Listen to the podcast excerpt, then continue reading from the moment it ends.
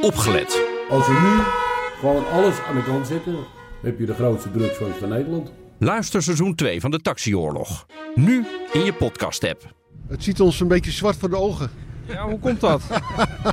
Maar dat komt door de zwartgelakte documenten die we allemaal te zien kregen. Dit is een podcast van BNR Nieuwsradio. Welkom bij de Technoloog nummer 56. Herbert, Yes. je bent weer present. Ja. Dat is goed. Dat is mooi. Wij hebben in de studio Tim Houter. ja, dat is heel leuk. Maar we gaan het ook nog even over je, over je podcast Dat moeten we ook nog doen. Mijn podcast, ik maak dus, nou, voor de mensen... die GDPR. De, GDPR. Ehm, wat de- AVG. Ja, precies. In het Nederlands.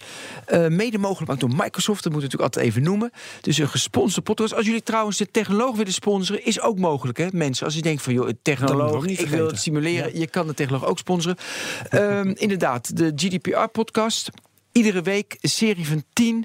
Wat het boeiende aan is, dat, dat vertelde ik vorige week ook, maar ik blijf het boeiend vinden dat je aan de fundamenten van het internet zit. Dus we proberen te onderzoeken Ja. wat nu data is en wat niet. En dat is ook heel mooi. We maken een aflevering, Herbert, over wat privacy is. En dan had ik een, eh, had ik iemand, had ik een jurist en die vertelde dit.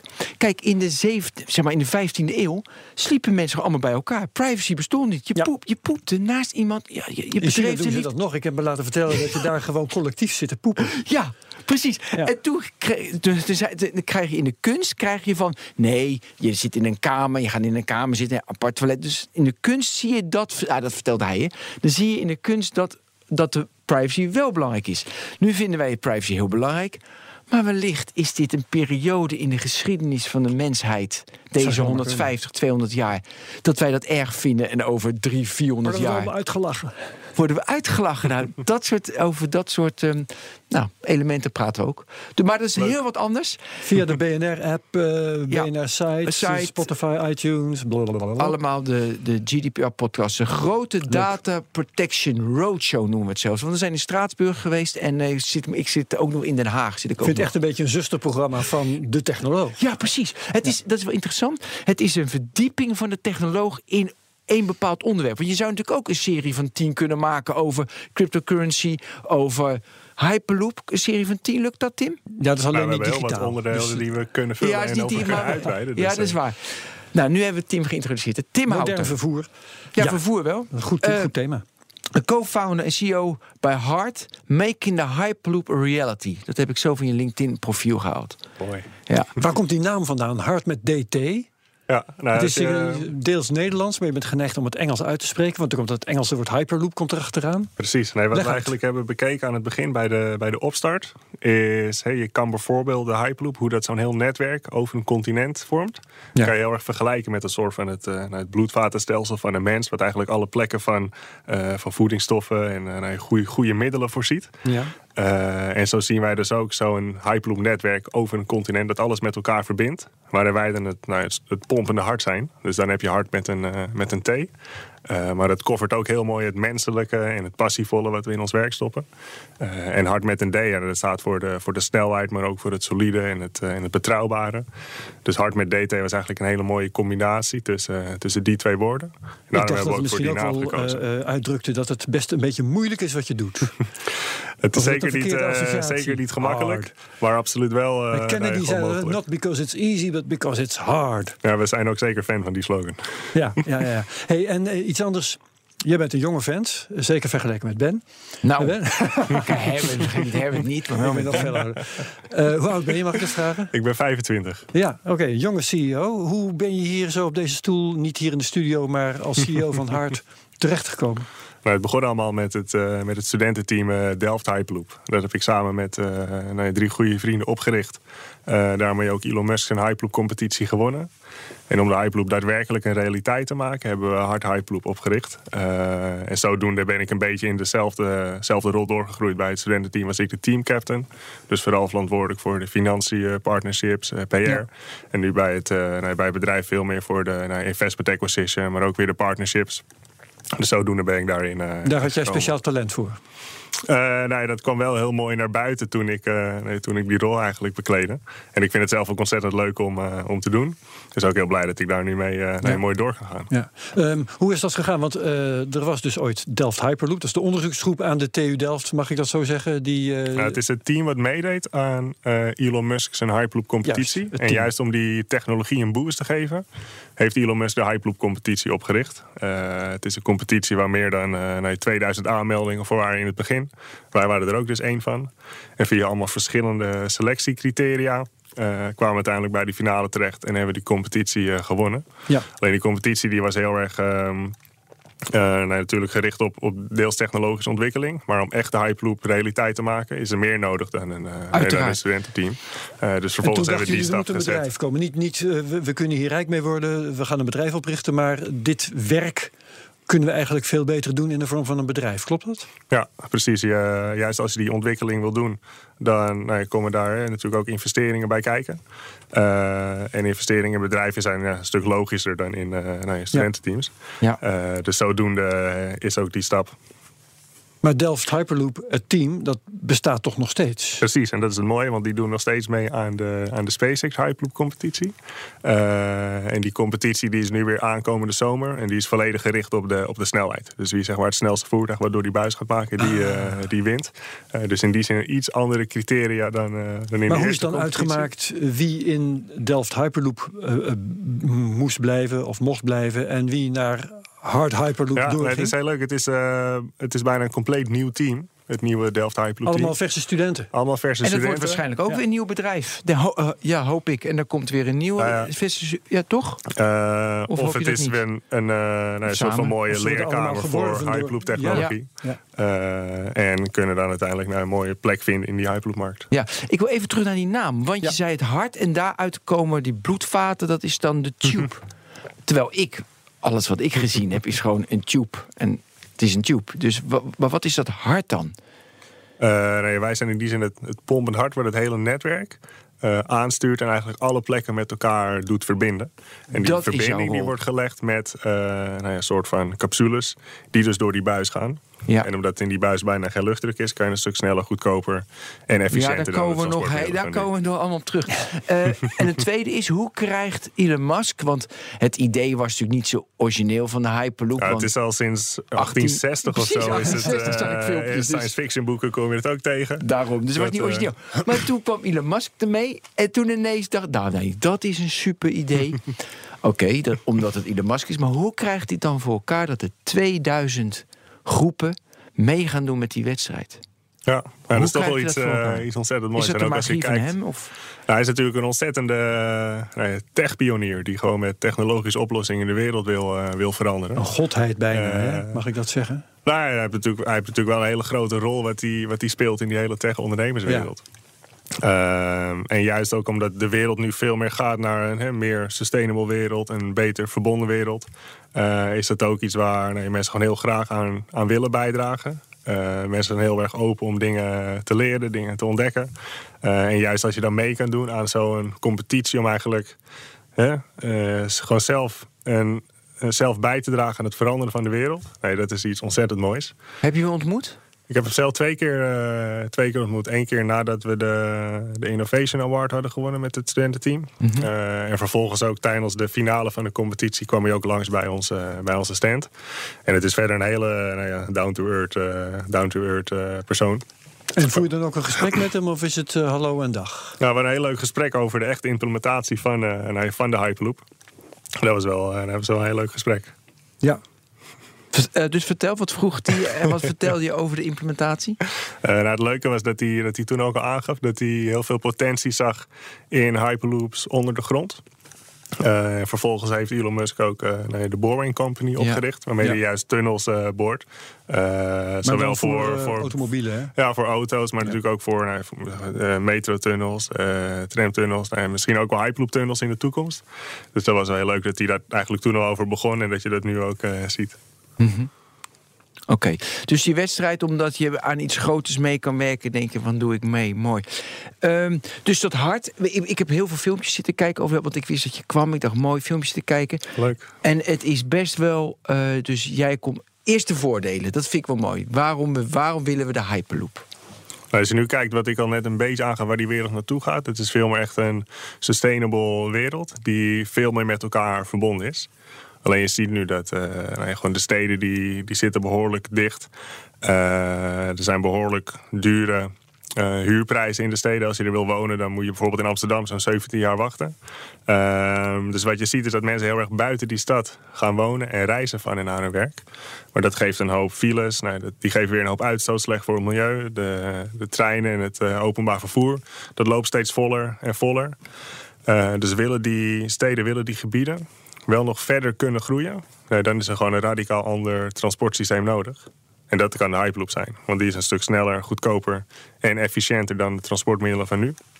En die kan dus juist verder weg liggende gebieden ook verbinden. Zodat je eigenlijk een, een wereld krijgt waarin je nou, in die zin kan wonen en werken waar je maar wilt. En waar afstand in principe ook gewoon niet meer uitmaakt. Dus waar Herbert woont, dat is tegen, dat is tegen de Duitse grens. Dan zou je in Arnhem, denk ik, in moeten stappen. Of ergens bij jou, of Doetinchem.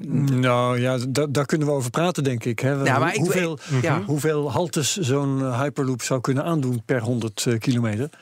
Nee, Maar, ze hebben juist geen zeggen haltes. Arnhem, dat is Nou, wat ja, wat maar het heel is leuk geen is om daar misschien ja. op, op ook. toe te voegen, is dat we juist een, hè, we zien een soort van hoofdroute Ja. voor ons. En aan die hoofdroute heb je een soort van op- en afritten naar de stations toe. Eh, en dat betekent dus ook dat je van naar elk punt naar elk ander punt wat aangesloten zit op dat Hyperloop-netwerk, Mhm. kan reizen zonder dat je tussenstop hoeft te maken. Dus niet zoals nu bijvoorbeeld met een trein, dat je elke keer op een station aankomt, je stopt Ja, even, ja. mensen erin en eruit. Maar in één keer kom je aan op de bestemming die jouw eindbestemming is. Bedoel je dat je dan ook rijdend overstapt van het, ene treinstel in het andere, bij wijze van spreken? Ja, het is of geen rijdende overstap, maar de capsules die zijn een stuk, eh, een stuk compacter en die zijn ook kleiner dan eh, bijvoorbeeld nu eh, de, de 12, treinen. 24 mensen zitten Eh, erin. nou, we, denken nu zelf tussen de ongeveer de 20 en de 100 passagiers per capsule. tot hangt ook heel 100. erg af van de, nee, van de route hè, die, die je betreedt. En welke filmpjes je kijkt. ja, want iedereen heeft zijn idee natuurlijk. Maar ga maar door. Ja.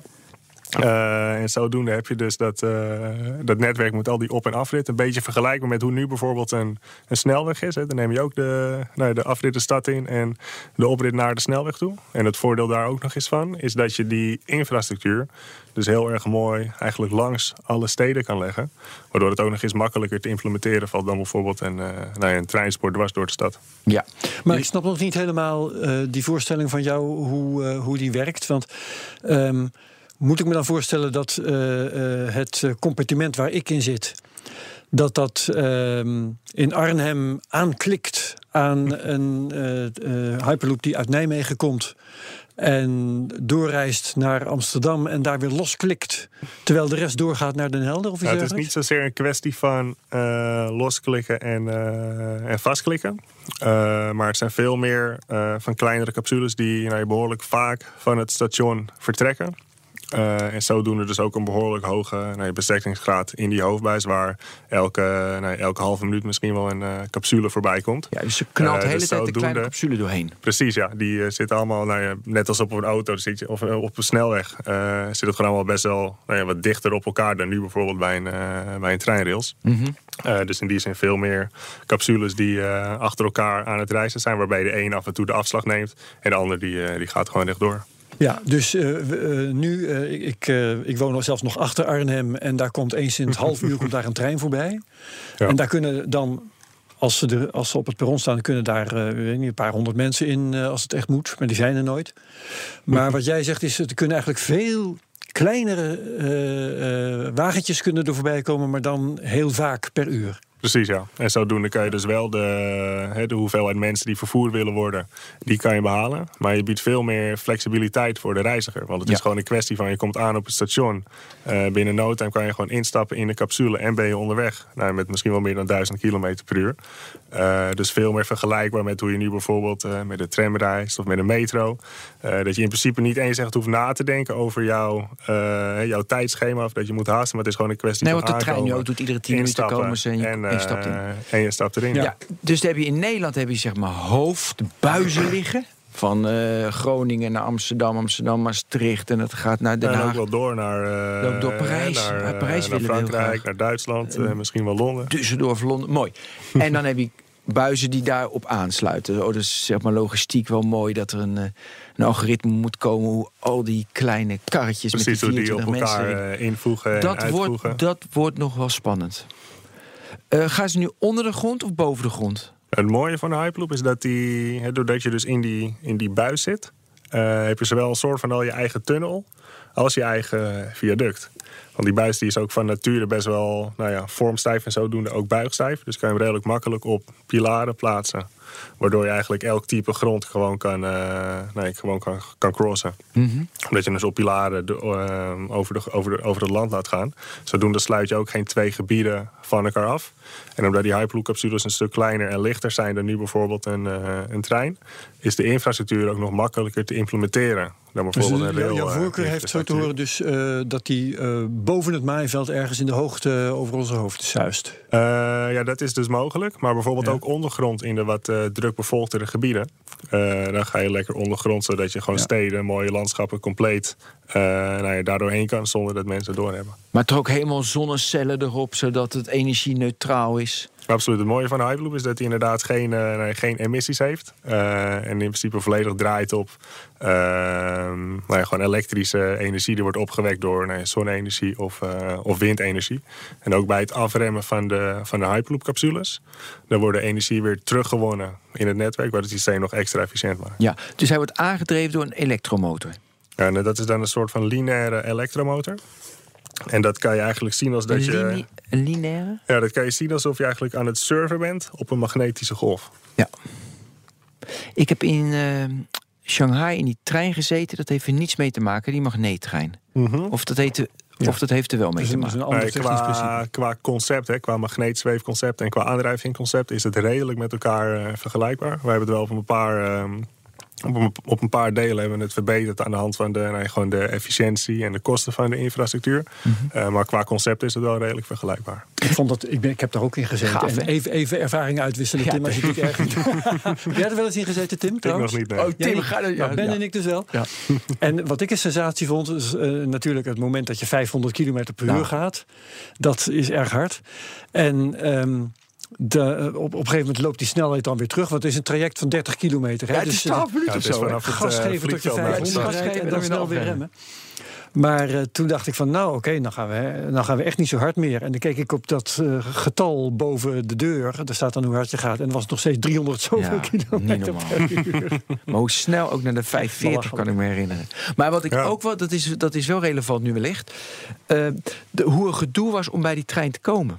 Dat weet ik niet meer. Ja, en hij was ook heel duur. Maar het, Ja. dus, het was makkelijk om gewoon de taxi te pakken. Ik ben er al, want dan, weet je, dus er was eigenlijk ook sneller dan dat je helemaal door de stad heen moest. Daar moest je opstappen door, door zo'n zo- zo'n poortje. Het was best wel de. Ja, je moet wel naar een soort vliegveld toe. Ja, precies. Bijna. Maar dat heb je niet met de Hyperloop. Ja, vliegvelden liggen nu vaak heel erg buiten de stad. Hè, vanwege eh, overlast van eh, geluid, nou ja, ruimte wat er voor nodig is.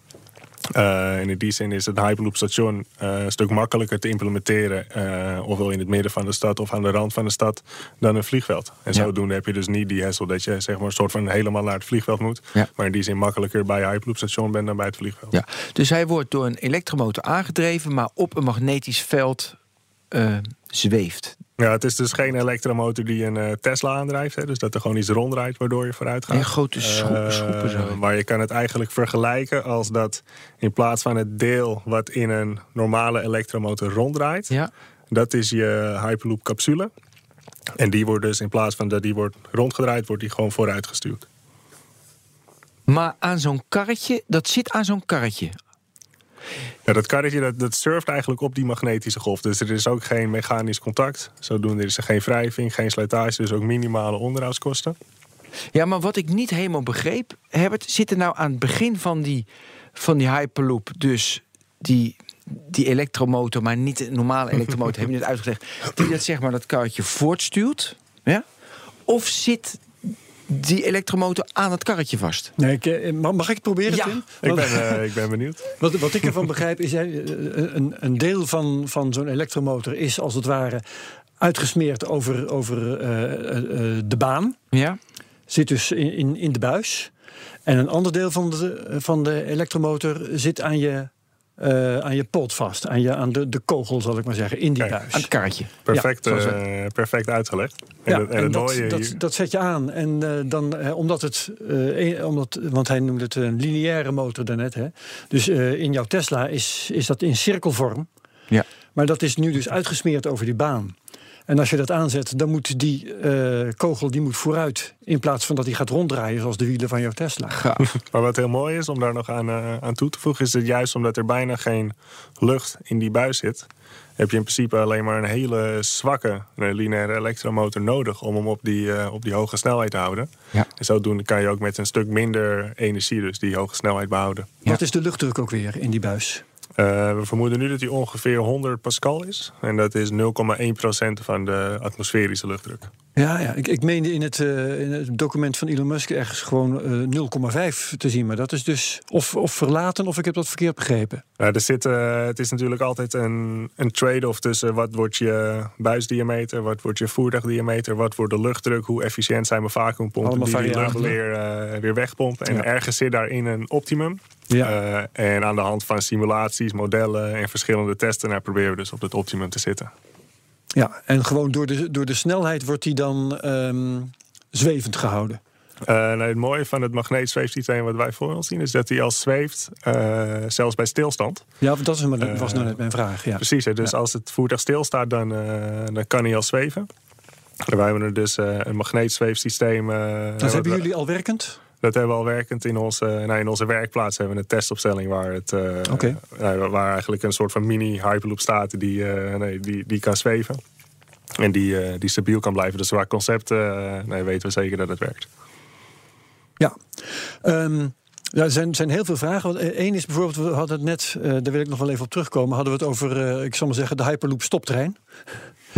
Ehm, omdat hey, ik, ik, ik woon dus achter Arnhem en daar rijdt op dit moment een boemeltje. Dat gaat van Arnhem naar Winterswijk en dan nou allemaal ingewikkeld, maar eh, bij elk weiland eh, stopt hij zo ongeveer.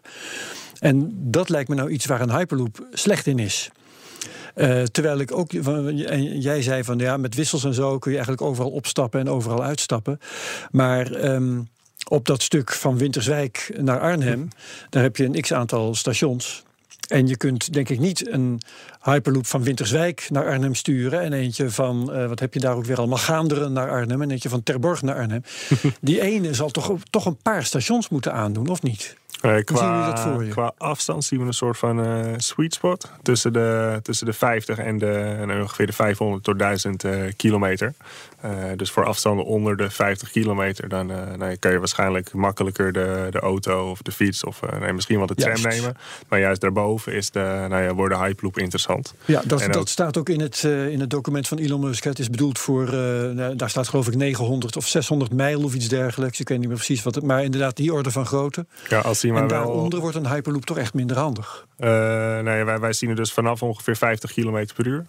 Of Ja, 50 vanaf ongeveer kilometer, 50 ja. kilometer in lengte zien wij het eh, nou, erg interessant worden. Eh, dat is ook ongeveer de, de lengte waarop we verwachten dat het eerste eh, nou, het proeftraject plaats gaat vinden. Waarbij je dus eh, nou, ja, eigenlijk alle voordelen van een Hyperloop volledig kan, eh, kan aantonen en kan bewijzen.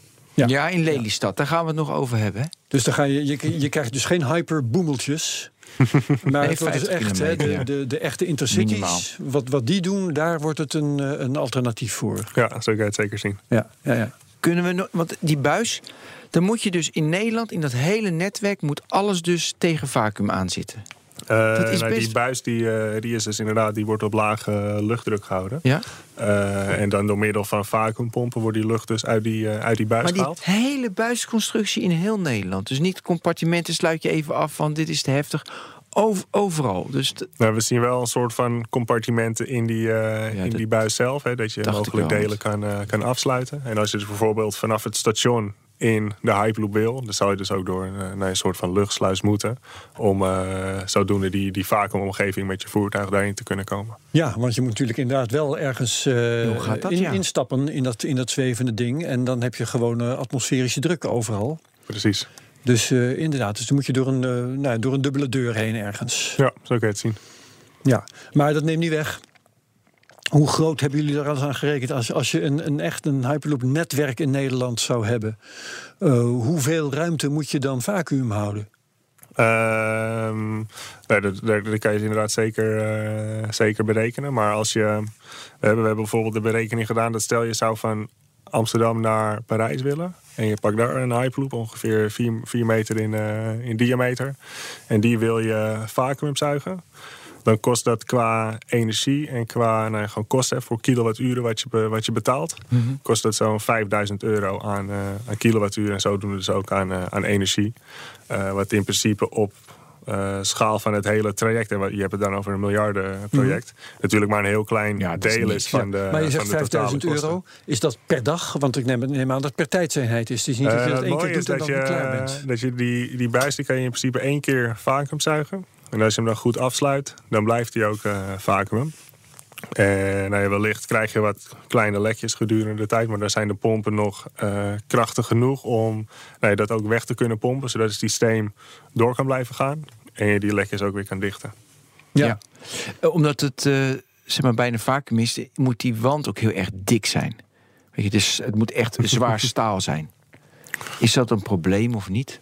Ehm, nou, als je goed kijkt naar onze testfaciliteit buis, dan zie je dat er ehm, eens in de zoveel, eh, nou, eens in de zoveel meters, zie je een soort van verdikkingsring. Eh, en die verdikkingsring die is juist om extra stijfheid toe te voegen aan die buis. Eh, zodat de buis zelf van, eh, ja, dunner kan worden. Eh, zodoende heb je dus ook weer minder staal nodig. En dat betekent ook weer nou, minder kosten voor je infrastructuur. Ja, dus die verdikkingsring is jullie truc. Ja, die, vo- die voegt dus de stijfheid toe, waardoor de rest van de buis dunner Ja. We moeten even terugkomen op je zei van even om het filosofische dat, dat je plekken Amsterdam heel erg duur wonen, je verbindt plekken in En Groningen. wat misschien nog wel heel interessant is om daarop Ja. toe te voegen, is dat het juist ook voor ehm, de overname van korte afstandsvluchten een, ja, een heel mooi alternatief kan, eh, kan ja, bieden. dat is die van 50 tot Eh, 1000 kilometer. Ja, precies. Dus hè, voor vluchten die nu van Amsterdam naar Parijs gaan, Amsterdam-Berlijn, eh, eigenlijk de, eh, de vliegvelden die zitten daar overvol mee. Het is echt het gros van de, van de Ja. vluchten. Eh, En terwijl er juist het vliegen... gevlogen worden. Precies, ja, het vliegen Ja. is een behoorlijke belasting op, eh, nou ja, op de CO2-uitstoot. En als je, dat, nou ja, als je dat zou doortrekken hoe het nu gaat, eh, dan ga je gewoon de klimaatdoelen gewoon niet, niet eens halen. Eh, met, met hoe het vliegverkeer nu, eh, ja, nu gaat groeien. Dus er moet gewoon een alternatief komen voor dat nou ja, korte afstandsvliegverkeer. En Ja. daar kan de Hyperloop ook een hele mooie oplossing Maar voor bieden. laten we dan heel concreet. We gaan eerst die baan aanleggen, niet naar, naar Herbert toe, sorry Herbert, maar gewoon van Amsterdam naar Parijs. Het zijn geloof ik al acht KLM-vluchten per Ja, dag. al zien wij dat niet als eerste traject. Oh, wat is- je, wat is het wat eerste je aanlegt. Eh, nou ja, Amsterdam naar Parijs is iets van ongeveer 500 kilometer. Ja. Eh, en voordat je zo een traject aanlegt, wil je ja. wel eerst zien dat het nou, op, op Dat een korte traject ook al een werkt. paar en Dubai was toch launching customer of niet? Eh, Dubai die heeft inderdaad heel veel interesse getoond om, eh, om echt een Hyperloop te implementeren. En dat is dan tussen Abu Dhabi en, eh, en Dubai. Eh, dus die kans zit er zeker in dat daar de eerste eh, Hyperloop komt. Oké, maar dus eh, normaal gaan mensen, ik weet niet hoe ze normaal daar met vliegen, eh, dus waarschijnlijk. Eh, normaal nog met een auto. En Met is een busrit van, een, eh, nee, van, van bijna twee uur. Oh, dat valt wel mee. Ja. Maar ik Maar wil even. Er dan Ik wil het 12 businessplan even. Want dan zeggen ze van ja, een hyperloop kost. eh, wat ik Kaartje, zou, kaartje LA San Francisco zou 20 dollar kosten. Ja, dat wordt dan. Beweert Elon Musk. Geloof Ja. ik dus geen spat van. Geloof jij dat? Nee, want dat maak je zo. Nou ja, 20, eh, 20 Ja, maar dollar voor eh, Los Angeles naar San Francisco. Als je kijkt naar hoeveel passagiers uiteindelijk gebruik maken van zo'n route, hoe frequent die voertuigen vertrekken, Mhm. eh, dan is het in die zin een, nou ja, gewoon een simpel sommetje om te, te bedenken. nou, hoeveel moet ik dan per ticketvrijs eh vragen om het, om het gedeelte terug te verdienen? Ja. En wij zien voor ons dat het een, nou, een hoge snelheid transportsysteem is. Wat, wat iedereen kan gebruiken. Echt op dagelijkse basis. Dus hoe mensen nu bijvoorbeeld de, nou, de tram pakken om naar werk te gaan, de trein. Mhm. Eh, zo zien wij ook die Hyperloop voor ons. Dus Ja. dat het ook met een bedrag is wat jij elke dag kan besteden. Om Dus uit van op, grote je, schaal. op je werk te komen. Ja. Eh, zodoende heb je dus ook die, eh, nou ja, die, die capaciteit dat je een hoop mensen vervoert. Dat het echt voor de dagelijkse commuter, dat het daarvoor eh gebruikt kan worden. En daar komt dus een ticketprijs bij kijken die, eh, nou ja, die ongeveer vergelijkbaar is met de prijs van nu een, eh, een treinrit of een, eh, of een busrit. Ja, dus jij gelooft wel in die twee tientjes. In ieder geval in een ticketprijs, wat je dagelijks kan gebruiken om Ja. zodoende ervoor te zorgen dat iedereen die die Hyperloop wil gebruiken, die hem ook daadwerkelijk kan gebruiken. Dus niet alleen voor de, voor de rijken en voor de luxe, eh, maar echt voor iedereen de dagelijkse gebruiker. Ja, Ja. maar de, de, ik wil er wel even over doorpraten, want eh, eh, ik weet niet wat een vliegticket LA, San Francisco op dit moment kost, maar ik denk dat het meer is dan twee tientjes. Helemaal voor- als je het laat, eh, laat boeken. Hoe laat jij bent met het boeken van je Ja, vliegticket, er zit hoe duur het wordt. aan. En het Ja, ja. voordeel dus van, van Hyperloop is dat je naar het station gaat, instapt Ja. en onderweg Maar dus mijn geen reserveringen. voor Hyperloop, er moet nog techniek voor ontwikkeld worden. Eh, er moet eh, infrastructuur voor neergezet worden. Hè. Er moet gigantisch verschrikkelijk veel worden geïnvesteerd... met heel veel onzekerheden, waar we het misschien ook nog wel over kunnen Zeker. hebben.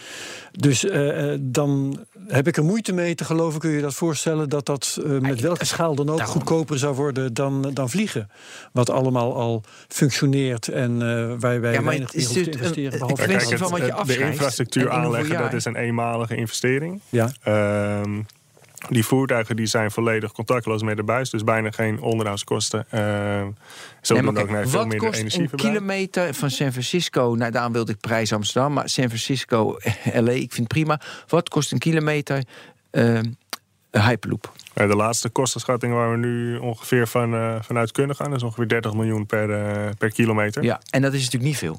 Want ik zat toevallig op te zoeken, want daar wilde ik naartoe. De verlenging van de A4 kost 43 miljoen per kilometer. Dus de A4 hier in Nederland, snap je? Dus, weet je, Ja. ah, moeilijk 30 miljoen is veel. Maar ja, Ja, dat hangt heel erg af van, van de ondergrond, van het gebied waar je zit. Die ik, prijzen en die kunnen je, ook nog heel veel moet je, en welke boeren moet je uitkopen? Snap En, ik? en Nee, maar elk project kost altijd meer dan wordt eh, Ja. voorspeld van Maar, tevoren. hè. Het is een kijk, wij hebben hoeveel, hoeveel kilometer was LA San Francisco? Is het, eh, 900? Eh, volgens mij ook iets 600. van 500. Een mijl, hè? kilometer volgens mij. Oké, 600. Ja, zoiets. Die orde van grootte. Een keer 30 miljoen, nou dan heb je een bedrag. Dus dat hangt van jouw 20 dollar hangt natuurlijk helemaal vanaf. Weet je, hoeveel, weet je, hoeveel verwacht je dat te komen? In hoeveel jaar wil je dat afschrijven? Ja, hoe lang het Ja, het, is het interessante is van de, van de infrastructuur die nu wordt gebouwd, Ja? eh, dat die eigenlijk nooit op de infrastructuur zelf wordt terugverdiend. Maar juist op de maatschappelijke eh, baten die eigenlijk de infrastructuur Oh, dat biedt. hebben ze meegedaan, Eh, uh, meegerekend in het businessplan. Maar Mooi. niet in, dat, niet in het model wat, wat Elon Musk heeft opgesteld. Maar eigenlijk alle infrastructuur die, die nu wordt aangelegd... Mhm. eh, die voordient zich heel erg terug op de maatschappelijke baten. Ehm, en de Hyperloop die kan dus ook van dat gebied... eh, die dus verbonden is aan het netwerk... Ja. eh, met al die andere gebieden creëer je eigenlijk één grote nou ja, economische powerzone. Waardoor je dus veel, eh, nou ja, eigenlijk ook economischer... veel aantrekkelijke Ja, propositie kan bieden. Want nou hoe, hoe beter jij je kan, eh, nou, je kan verplaatsen... hoe beter je ook eh, nou ja, gewoon business kan doen Vrij vertaald, eigenlijk moet de overheid dit gaan, gaan laten neerzetten. Nou, uiteindelijk speelt de overheid dus natuurlijk een hele grote rol ook in de, in de implementatie van de Hyperloop. Sowieso ga je over het, hè, over het land van een, nou ja, van een bepaald land waar een overheid wat over te zeggen hebt. Mhm. plus is het juist ook voor dat land een goede, goede investering. Ja, ik wil even. Ja, want het is ook zo eh, dat je in Groningen, dan kun je natuurlijk in Groningen wonen. Eh, dus jij zou dan iedere dag naar Amsterdam even, weet je, eh, dat is dan wijze van 20 spreken. minuten. En, dat is, en dan wordt jouw huis weer meer waard. Dat is, dus, mooie dat is is dat dus niet je- zo, want ik, eh, ik blijf eh, op een andere manier naar Arnhem moeten gaan... om daar die Ja. Hyperloop eventueel te pakken. Ja. En dat is dus wel even iets ingewikkelder. Dus Ja. op mijn reistijd gaat het niet zo heel veel schelen. Nee, maar in de pra- je kan in, in de prachtige binnenstad van Groningen wonen en in Amsterdam makkelijk werken. Dat zou, eh, dus dat dat, zou dan en dan worden de, de huizenprijzen En misschien om daar nog op, eh, op toe te voegen, is er dat je inderdaad van, hè, nu is Nederland een bijvoorbeeld van land met verschillende steden.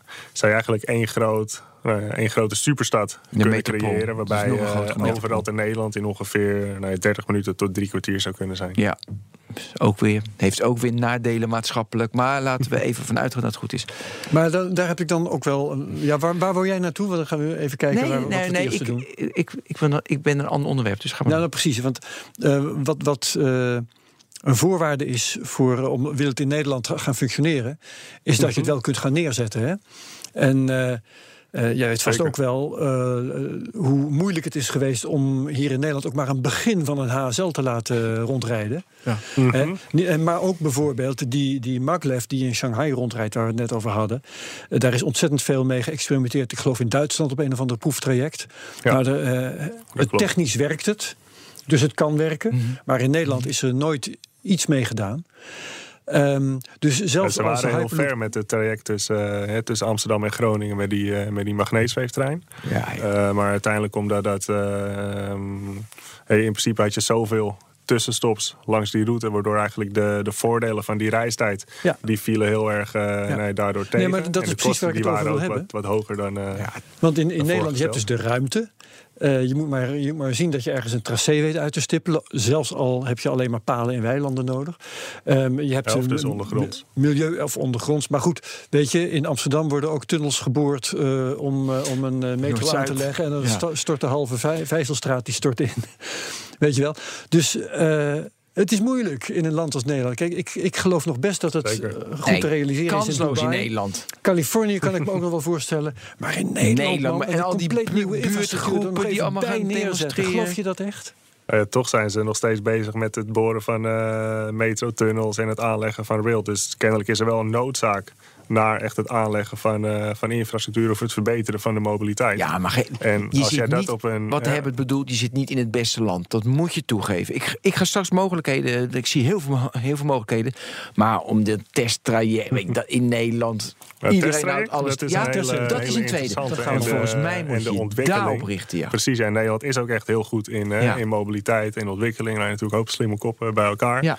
Eh, dus juist om die ontwikkeling van te de doen wereld. In Nederland. En dat eh, vind ik wel is slim. een hele goede eh, propositie. En dan Maar kan je die kennis en die technologie die wordt opgebouwd in Nederland ook weer exporteren over Top. de rest van de wereld waar, eh, nou ja, waar hyperloops worden aangelegd. Ja. En ik ben inderdaad van mening als een, hè, stel een Chinese overheid zegt van wij willen een hyperloop, nou ja, dan ligt hij er waarschijnlijk wel sneller dan als ze dat in Nederland zouden zeggen. Daar wilde jij Want die zetten gewoon een streep op de kaart. en en eh, zo wat gaat in de weg. Ja, mensen krijgen letterlijk een briefje op hun deur van je auto Frankrijk niet meer. eh, trouwens. Ja. Er komt de trein. Zijn ze ook heel makkelijk daarin. Ja. Ehm, Daarom is die TGV daar wel gelukt. Eh, voordat we naar het beetje testtraject wil ik even Mhm. van wat zijn de, de laatste jaren de technologische ontwikkelingen waardoor een hyperloop, we hadden het net over in 1860 werd er al over gesproken. Waarom gaat dat nu wel niet of wel lukken? Kijk, waarom Toen was het nog buizenpost. Hè? eh, ja, buizenpost. eh, Nee, maar waarom? Omdat wij het hebben over, als wij het over kunstmatige intelligentie in de technologie hebben, weet je, meer data, meer computerpower, weet je, dan krijg je dat soort elementen. Dus er Ja. zijn technologische veranderingen waardoor heel veel nu kan. Maar bij Ja, de er zijn- er Hyperloop zijn- heb ik hem nog niet. Er zijn technologische veranderingen, maar natuurlijk ook heel veel maatschappelijke eh, veranderingen. Ja, Kijk, in, noodzaak in 1860 was er, was er weinig noodzaak om. ehm, nou ja, natuurlijk hè, al die, die, die volle en dichtslippende gebieden, om dat wat meer uit te spreiden over, eh, over groter gebied. Eh, dus was er minder noodzaak naar een hyperloop. De technologie was, eh, Ja. was minder ver. Terwijl we nu wel echt merken dat, dat het probleem is dat nou die, die steden die zitten gewoon zo ontzettend vol. Dat gebied waar eigenlijk een hele grote vraag is om te wonen en werken, we eigenlijk uitspreiden over een veel groter gebied. Om zodoende ook een betere eh, nou ja, leefkwaliteit hè, dat je die kan bieden aan de mensen in, eh, in dat gebied. Dus de noodzaak die is er nu veel meer. En de technologische ontwikkeling die is, eh, nee, die is er ook klaar voor om daadwerkelijk een oplossing te bieden voor het probleem wat we zien. Ja, ik wil eerst het eerste. Want nu worden we kritisch. Je kan natuurlijk om, ehm, eh, om gebieden die verder weg liggen ook bedienen met een bullet train. Een bullet train zou, eh, zou inderdaad ook kunnen. Alleen de verwachte kosten van een high-speed rail, hè, van, van bijvoorbeeld dus zo'n bullet train, Ja. eh, die zijn hoger dan wat een hyperloop eh, Ja? eigenlijk wat, wat wordt verwacht om daarvoor kosten voor te maken. Plus ben je met een bullet train niet zo, nee, niet zo snel als dat je met een hyperloop bent. Ja, En heb je niet die flexibiliteit dat je die, die kleine capsules die vaak naar elkaar vertrekken, dat je eigenlijk een soort van metronetwerk creëert waarmee je over een heel land en misschien wel een heel continent kan reizen. Ja. Een tweede zei je technologisch veranderen, maar je hebt nog niet uitgelegd wat dan. Nou, met de magneetzweeftrein die hè, bijvoorbeeld nu in Shanghai eh, staat, hebben ze natuurlijk heel wat technologische progressie al, eh, al geboekt. De vacuümtechnologie die is in de loop der jaren ontzettend veel verbeterd. Maar gewoon lineair is dat verbeteren. is niet een uitvinding geweest of iets speciaals. Dat iemand had van, nou nu... Nou, het mooie is dat je juist al die, hè, al die sectoren van technologische ontwikkelingen, die bind je eigenlijk allemaal samen in de Hyperloop. En daardoor heb je wel echt een. eh, nou, Ja, maar noem al die verbindingen, is, dus noem al die technologieën. Eh, nou, bijvoorbeeld hè, grote stalen buizen, vacuümtechnologie,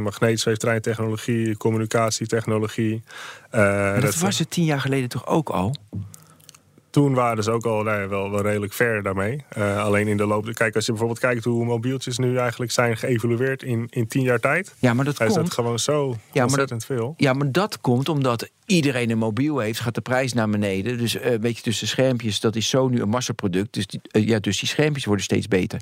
Maar een technologie in de bullet train zie ik nog niet bij de massamarkt, waardoor het goedkoper wordt of beter wordt. Want snap je, het, is Ja, meer, het wij blijft dus wel voor ons zien dat eh, uiteindelijk die Hyperloop wordt gebruikt door iedereen. Eh zodoende dus wel eigenlijk een soort van product wordt... wat eigenlijk de, de dagelijkse gebruiker gewoon in zijn opties eh, Hm. eigenlijk meeneemt... als hij zich wil, eh, naar je wil vervoeren. Maar ehm, er is wel een tegenstrijdigheid in wat je zegt volgens mij. Want eh, je zegt hij wordt gebruikt door iedereen. Dat levert je schaalvoordelen op. Maar we waren het er ook langzamerhand over eens geworden... dat, eh, eh, dat hij niet van overal naar overal kan rijden. Eh, je hebt het wel over afstanden van minstens 50 kilometer. Hè, dus je krijgt een of ander rooster over Nederland, stel ik me dan voor. Waarbij je... ehm, eh, naar sommige steden eh, wel aandoet en andere niet. Maar dat betekent weer een beperking van je publiek. Ehm, nou, je als daar in die berekening rekening mee ehm, eigenlijk naar de groei van mobiliteit over de, nou, laten we even de afgelopen 200 jaar pakken, is de afgelegde per persoon per dag eh, is eigenlijk continu exponentieel gaan groeien. Eerst had je gewoon dat je nou, bijvoorbeeld met de paard en wagen ergens naartoe ging. Toen kwam, toen kwam de trein, toen kwam de auto en het vliegtuig. Daar zit gewoon een continue exponentiële groei in.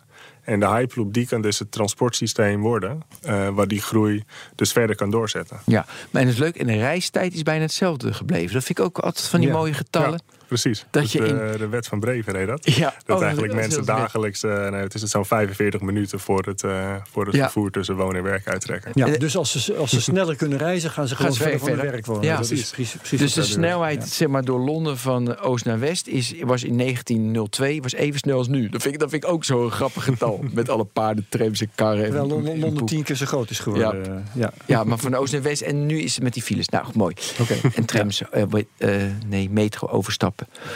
Goed, maar eh, die technologie is dus niet iets, eh, niet iets bijzonders in een uitvinding. Want daar zocht ik eigenlijk naar. Nee. Mel, wat Het is, wel wel, het is een hele goede combinatie tussen al nou, een deel van bestaande technologie. Ja, maar wat je wel heel goed kunt doen, jij kan nu heel goed modellen nabouwen. Wat is trouwens ook het punt van, van Musk. Hè?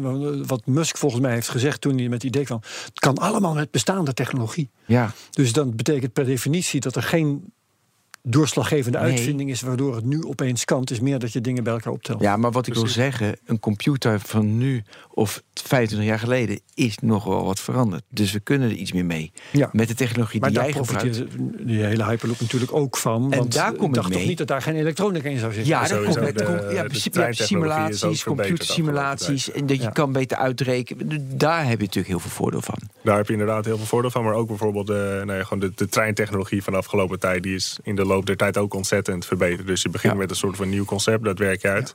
En dat verbetert zich ook Maar het wordt in dat de ding route. natuurlijk toch ook een soort fly-by-wire. Het, het wordt, is in feite toch een soort vliegtuig daar in die buis.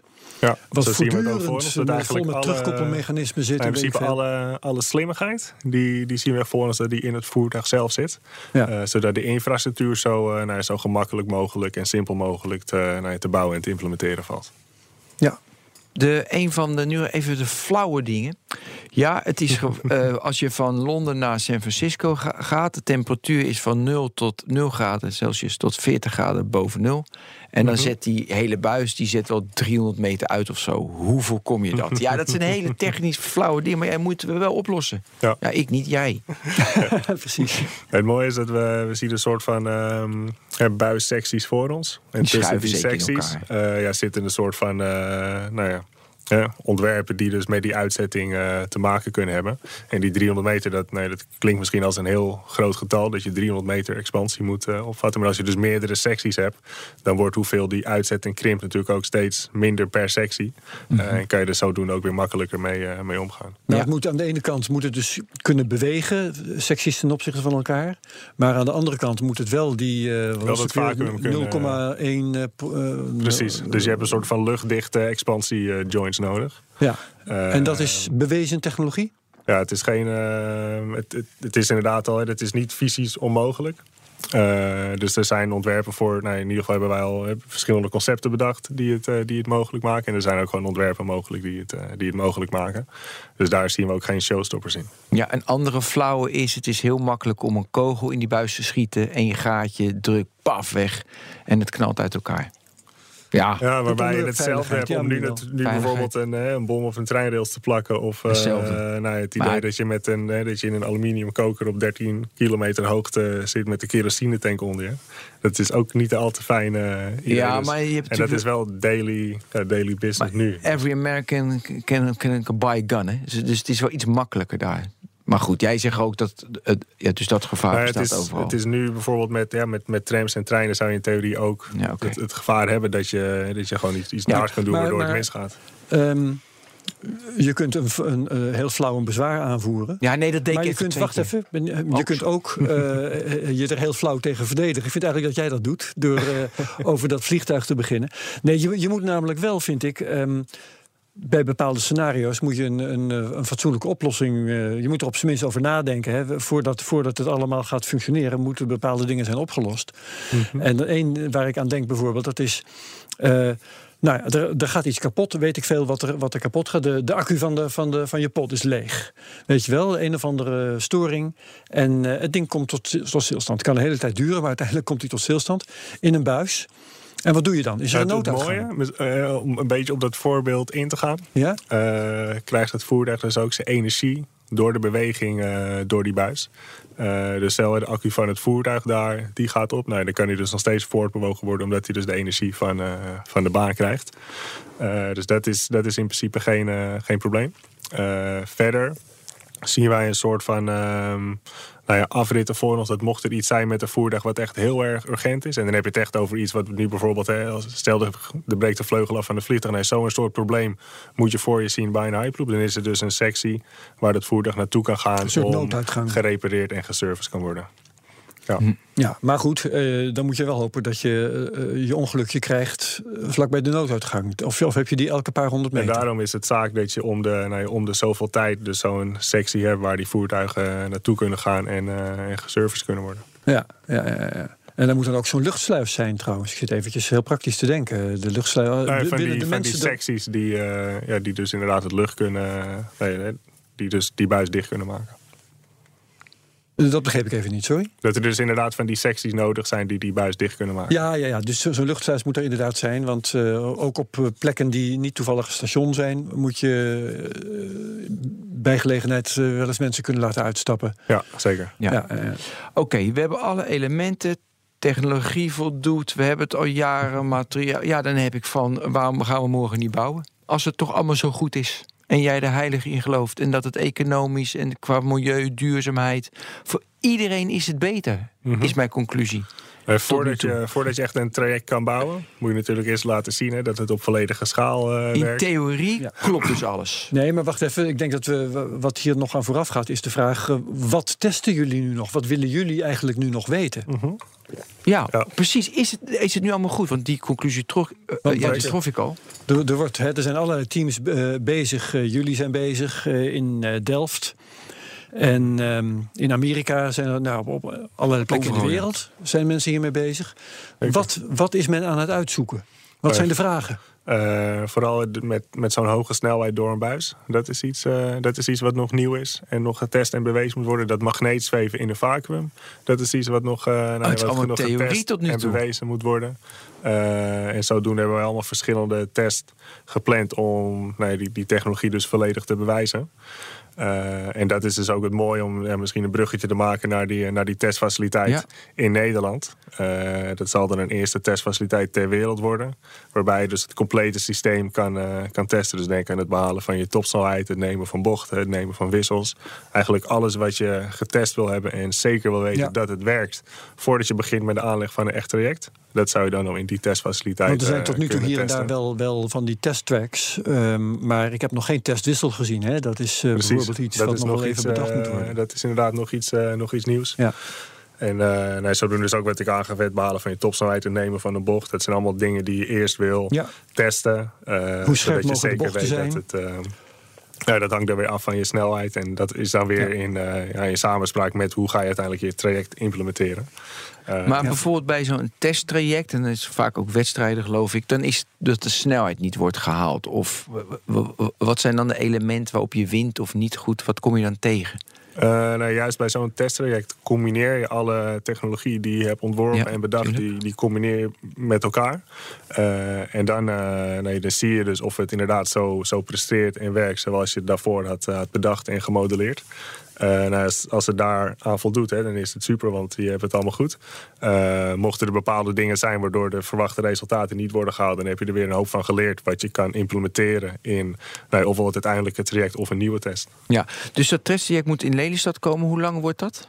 Uh, nou de, de precieze lengte is nog in, uh, in samenspraak met, uh, met de overheid en de andere Hyperloop-partij. maar in ieder geval een testtraject waarbij je dus stopsnelheid, bocht en wissel zou, zou kunnen testen. Maar dus ook een heel een soort van ontwikkelcentrum eromheen. Dat eigenlijk allemaal partijen er zich bij kunnen aansluiten. Om zodoende bij te kunnen dragen aan die ontwikkeling van de Hyperloop. Uh, waardoor dus ook de positie van Nederland in die Hyperloop-markt een, hele, nee, een hele interessante positie kan, uh, kan innemen.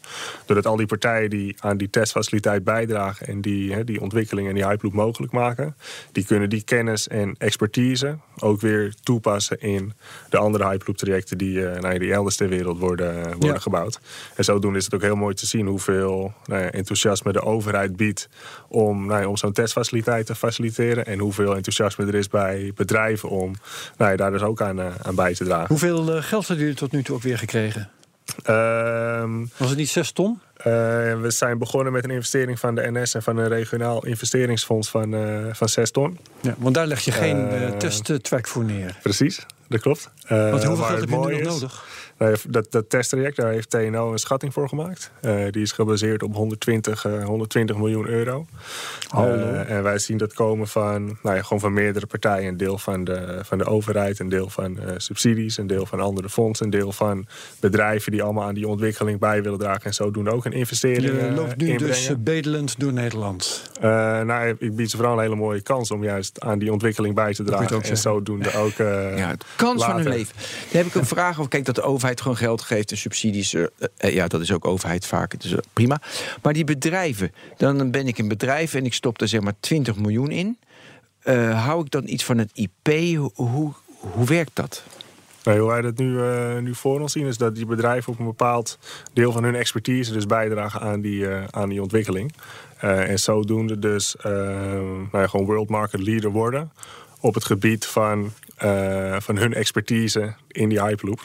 Dus ba BAM was volgens mij een van de partijen ja, die erover onze, nadenkt? Uh, onze infrastructuurpartner. Nou, Ja, je kan je voorstellen dat uh, nou ja, als die Hyperloop daadwerkelijk wordt geïmplementeerd... komt er heel veel infrastructuur bij kijken. Ja. Als jij de partij bent die precies weet hoe je dat aanlegt... hoe duur dat kost, hoeveel tijd het kost... wat er allemaal bij komt kijken... Nee, dan heb je natuurlijk een hele grote kans... dat je ook die daadwerkelijk Hyperloop mag Ja, aanleggen. dus BAM heeft een R&D-budget. Daar gaat, noem maar wat, ze steken er weet ik voor een, nou, een bedrag X in. Mhm. En dan dat doen ze alleen maar van om expertise op te bouwen, zodat ze hopen dat ze dan al die hyperloops expertise dat is, is, eh, gewoon vooraan staan. Dat is één Ja, ervan. Vooraan staan is, eh, is twee ervan. Eh, nou, je betrokken bij, hè, wij, wij wij zijn een redelijk snel en flexibel bedrijf. Het is ook een soort van kijkje in de keuken hoe wij dat doen, hoe wij dat aanpakken om gewoon lekker snel stappen te zetten. Dat is voor zo'n bedrijf heel, heel interessant. En dus eh, connectie met de andere bedrijven die ook aan die ontwikkelingen Ja. bijdragen. Kun je iets vertellen over die ontwikkeling? Weet je, want het is, het is atomen bouw je, het is, weet je, het is zwaar. Eh, hoe modulair bouw je het? Hoeveel teken je uit? Hoe, hoeveel moet het al nee, af zijn? voordat, we, voordat we iets bouwen is het in de computer altijd helemaal ontworpen, getest en eh, Gemo- hele, alle modellen gezien. Tot op elk klaar. moertje, kabeltje, dat, eh, dat heb je in de computer al, al bedacht. En het voordeel daarvan is dat je natuurlijk in de computer veel makkelijker dingen kan wijzigen, kan aanpassen dan als Ja. het eenmaal wordt, wordt gebouwd. Eh, dus daarom wil je in ieder geval eerst zeker weten dat het in theorie allemaal past en klopt. Daar heb je hele mooie eh, softwaremodellen voor. Eh, Voordat je daadwerkelijk pas gaat, gaat bouwen. Mhm. En dan heb je het helemaal uitgecomputer, v- v- tientallen variaties, klopt, klopt, klopt, klopt. Maar Mhm. dan ga je het bouwen, dan heb je gewoon dat, dat die, die testfacility heb je staan. Maar Mhm. ja, alle datapunten in de computer. Vaak is, de, is nou ja, de, de, de, echte wereld, niet de virtuele wereld in de computer, maar de echte wereld, zijn de datapunten die je toch niet mee had genomen. Heb je daar, ofwel, dat weet ik niet, maar dat, dat vermoed ik. Heb je daar voorbeelden van wat dan toch anders is? Maar gedurende het ontwerpproces eh, probeer je dus zoveel mogelijk Uiteraard, rekening te houden met dat soort, eh, Ja. dat soort factoren. Eh, en mocht er dan toch iets zijn hè, wat, wat je mogelijk misschien niet hebt meegenomen of niet goed hebt meegenomen, nee, dan moet je daar een oplossing voor denken Ja, om het zodoende wel te implementeren. natuurlijk. Nee, maar eh, kijk, dan heb je het eenmaal gebouwd. Want je zal ongetwijfeld. Dus het is helemaal gesimuleerd. Je bouwt het en dan is het toch, als je het gebouwd hebt, is het toch weer anders. Tuurlijk, ja. Dan, eh, Ja, maar dan heb je het al gebouwd. Dus ik, Oh, wil- ik wil nou ja. een voorbeeld hebben dat je dat hebt Maar ervaren. het voordeel is dus dat je het in de computer al helemaal hebt gebouwd. Hè? Dus op elk bouwtje ook moet je elke, elke dimensie die is al helemaal uitgerekend. Dus eh, heel anders zal het nooit eh, kunnen worden. Eh, dus het is altijd een kwestie van het, het werkend maken. Het wordt van. Hoe jij het precies uit fine-tunen. Ja. Het, ehm, eh, dat, je, dat je er gewoon voor zorgt dat het, eh, dat het werkt. Ja. Ik ga het nog één keer wat ik bedoel. Stel je voor, het is niet zo, maar die, heel, die hele Hyperloop, dat 3D-printje. En je hebt het helemaal uitgewerkt. Computers eh, enzovoort. Alles. En dan blijkt je niet de datapunt meegenomen te hebben dat het eh, eh, drie weken lang min 30 is. Want ja, dat is zo uitzonderlijk. Dat is het niet. Gewoon een of ander geval vergeten, ja. Verge- ja, gewoon, dat, dit was zo absurd. Nee, dat had je niet meegenomen. Je hebt hem uitgeprint, dat doe je niet. Maar stel je voor, je hebt hem uitgeprint of je hebt hem gebouwd. Dat datapunt. En dan staat hij daar. Ja, Ja. niet goed. dat bedoel ik. is dat Hoe modelleer je hem dan zo dat soort dat je, eh, dat je vragen dat- die, jij, eh, die jij stelt, Ja. van eh, nou, min 30, eh, plus 60. Eigenlijk al die eh, nou, environmental requirements noemen we die dan. Hè? Ja, ik kon- Dus invloed die van buiten eh, op je systeem werkt. eh, die wil je dus vooraf al zo, nou ja, zo goed Snap ik. mogelijk in kaart hebben om daar dus ook rekening mee te houden. Snap ik. Maar er zijn dus nooit elementen waar je geen rekening mee hebt gehouden. Dus jij hebt in je computersimulatie met alles rekening gehouden voordat je gaat bouwen. Eigenlijk alles, alles waar je überhaupt hè, aan kan denken en op kan komen, daar, daar hou je rekening mee. En Hier wat heb ik er zijn. eentje. Eh, het is niet jouw probleem. Het is ook geen Nederlands probleem. Hoewel Groningen. Maar eh, Elon Musk stelt hem zich voor tussen LA en San Francisco. Ja. Dat is aardbevingsgebied. Ze zitten daar nog altijd eh, al een eeuw te wachten op de Big One. Ehm, waarbij dus de afstand tussen twee van die poten eh, zomaar opeens met 30 centimeter kan veranderen. Ja. Eh, of meer, weet ik veel. Misschien Ja. wordt het wel anderhalve meter. Enig idee? Nee, dat wordt dan een voorwaarde voor je ontwerp. Dat je met zo'n Ja, verschuiving... maar je kunt niet van eh, elastiek gaan maken. Nee, maar je, je kan wel bijvoorbeeld je, je capsule op, of die buis op een eh connectietuk tussen het pilaar zetten die, eh, waarbij dat heen en weer kan. Gewoon een soort Ja, maar dan moet je tussen elke twee poten doen. Want ja, je weet ongeveer waar die fout loopt natuurlijk. Dat, eh, ja. Maar eh, lijkt mij best Nee, wel het een zijn probleem. allemaal voorwaarden die je dus meeneemt in je ontwerp. Ik herinner me, Om herinner me trouwens het beeld eh, uit Japan van die aardbeving bij Kobe was het geloof ik. Daar had je dus een traject snelweg op poten. Mhm. En dat hele zaakje, notabene in Japan, hè, als ze ergens weten aardbevingsbestendig bouwen, is het daar wel. Het hele zaakje was gekanteld. Lag gewoon op zijn, op zijn zij. Ja, Maar dan is het dus toch niet goed eh, ontworpen. Dan is het dus en, toch niet goed. nou, maar nee, dat, ja. dat gebeurt natuurlijk altijd. Er gebeurt natuurlijk altijd. Weet je, we zijn mensen. Ja. Dus en hoe flexibel ben je dan als eenmaal is gebouwd? Daarom dacht ik een module eruit halen, de Maar dan ga ik. Tim ook weer verdedigen, even over, over jouw hoofd heen. Ja, kom maar. Want eh, zulke dingen zijn er natuurlijk altijd. Ja. Eh, en eh, niemand gaat zeggen, weet je wat, dan bouwen we maar niks. Nee. Want het zou altijd wel weer kunnen om- omvallen bij een aardbeving groter dan ooit. ja. Weet je wel, dus ergens houdt het op. En Nee, zeggen, maar ja, waar ik naar zocht is dat een, als je iets modulairder bouwt, bijvoorbeeld een auto bestaat uit heel veel onderdelen, dan is het makkelijk om even iets te vervangen dan dat je het helemaal in één keer 3D print, want dan weet je moet die print opnieuw. Ja, Nou, da- daar zocht ik naar of je dat soort elementen meenam. Maar ja. Nou ja, juist eh, hoe, hoe je dingen makkelijk kan produceren, makkelijk kan, eh, kan bouwen, makkelijk kan aanpassen. Dat zijn natuurlijk allemaal voorwaarden die je meeneemt in je ontwerp om het zodoende zo, nee, zo gemakkelijk Ja. mogelijk te, te maken.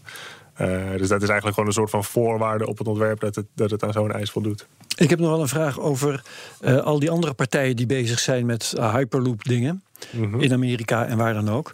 Ehm, zijn jullie nou met elkaar in concurrentie of zijn jullie met elkaar in samenwerking? Uh, bijvoorbeeld voor de testfaciliteit in Nederland zitten we dus ook met de andere Hyperloop-partij samen om te kijken hoe we nou ja, samen tot zo'n ideaal, uh, ideale testfaciliteit kunnen komen. Waarbij we eigenlijk beide de systemen die we, nee, die we voor ons zien kunnen testen. Andere partijen daarbij kunnen aanhaken om die mee te nemen in de, in de ontwikkeling. Nou, de overheid daar natuurlijk een mooie rol in, uh, in te laten spelen. Ja. en in die zin zien wij ook voor ons dat er gewoon een, een wereldwijde Hyperloop standaard is. Hè? Dat je niet zoals nu met, met, met de treinrails soms ja. over de grens uh, ja, moet overstappen. In Japan heb je drie of vier verschillende. Ja, precies, daar, met de Hyperloop moet je daar natuurlijk absoluut nee. niet aan denken. Dus dan is het van essentieel belang dat je dus samen je al, tot een soort van uh, standaard Maar ben je komt. ook met, met clubs in uh, gezonde competitie? Uh, Wie heeft het eerst een, uh, weet ik veel, een uh, mooie gemakkelijke stoel? nee, ze hebben een hoger idioot. doel. Helemaal geen IP opbouwen, helemaal niet concurreren. Een hoger doel om duurzaam de mensen te laten vervoeren. Is dat waar, Tim? Uh, uiteindelijk, uh, iedere partij die die Hyperloop, die Hyperloop werkelijkheid uh, wil maken, die wil natuurlijk ook een rol spelen in die uiteindelijke Hyperloop-markt. En zoals er meerdere bedrijven zijn die vliegtuigen maken, meerdere bedrijven zijn die treinen maken, en zullen uiteindelijk ook meerdere bedrijven worden die. die oh, dus het is wel gewoon keihard commercieel uiteindelijk. ja, maar je bent natuurlijk een hele nieuwe markt aan het, aan het opzetten en aan het creëren. En dat is iets waar je nou ja, zoveel mogelijk samen met elkaar wil optrekken om ervoor te zorgen dat die, dat die markt er komt. Ja. Ik heb nog uh, een laatste vraag, want voor mij zijn we bijna door de tijd. Ja. De laatste vraag is: wanneer stap ik in een stap ik in mijn leven nog in een hyperloop? Ik heb nog een jaar of veertig te gaan. Ja, in je leven zie ik het absoluut, uh, absoluut voor me dat het. Uh, ja, dat hoeveel het jaar gebeurt. nog? Ja, qua technologische ontwikkeling kan het uh, ontzettend snel gaan. Maar uh, die testfaciliteit in Nederland uh, verwachten we dat met ongeveer twee tot drie jaar bouwen en testen. Dat je in ieder geval alle essentiële delen van de technologie volledig getest en bewezen kan, kan hebben. en tel daar vervolgens de tijd erbij op die het kost om daadwerkelijk een traject aan te leggen. Nee, ook zo'n misschien drie, vier jaar als je het in zo'n gebied als bijvoorbeeld China doet. Uh, dus tussen 2023 en 2026 zien we voor ons dat het mogelijk is om een eerste ritje te maken. Mooi. Spannend. Ja. Uh, Tim, bedankt. Dank jullie wel. We hebben gesproken met Tim Houter, de co-founder CEO bij Hard Making the Hyperloop a Reality. Herbert, bedankt. Ben van den Burg, bedankt. Dit was de Technoloog 56. Tot de volgende keer.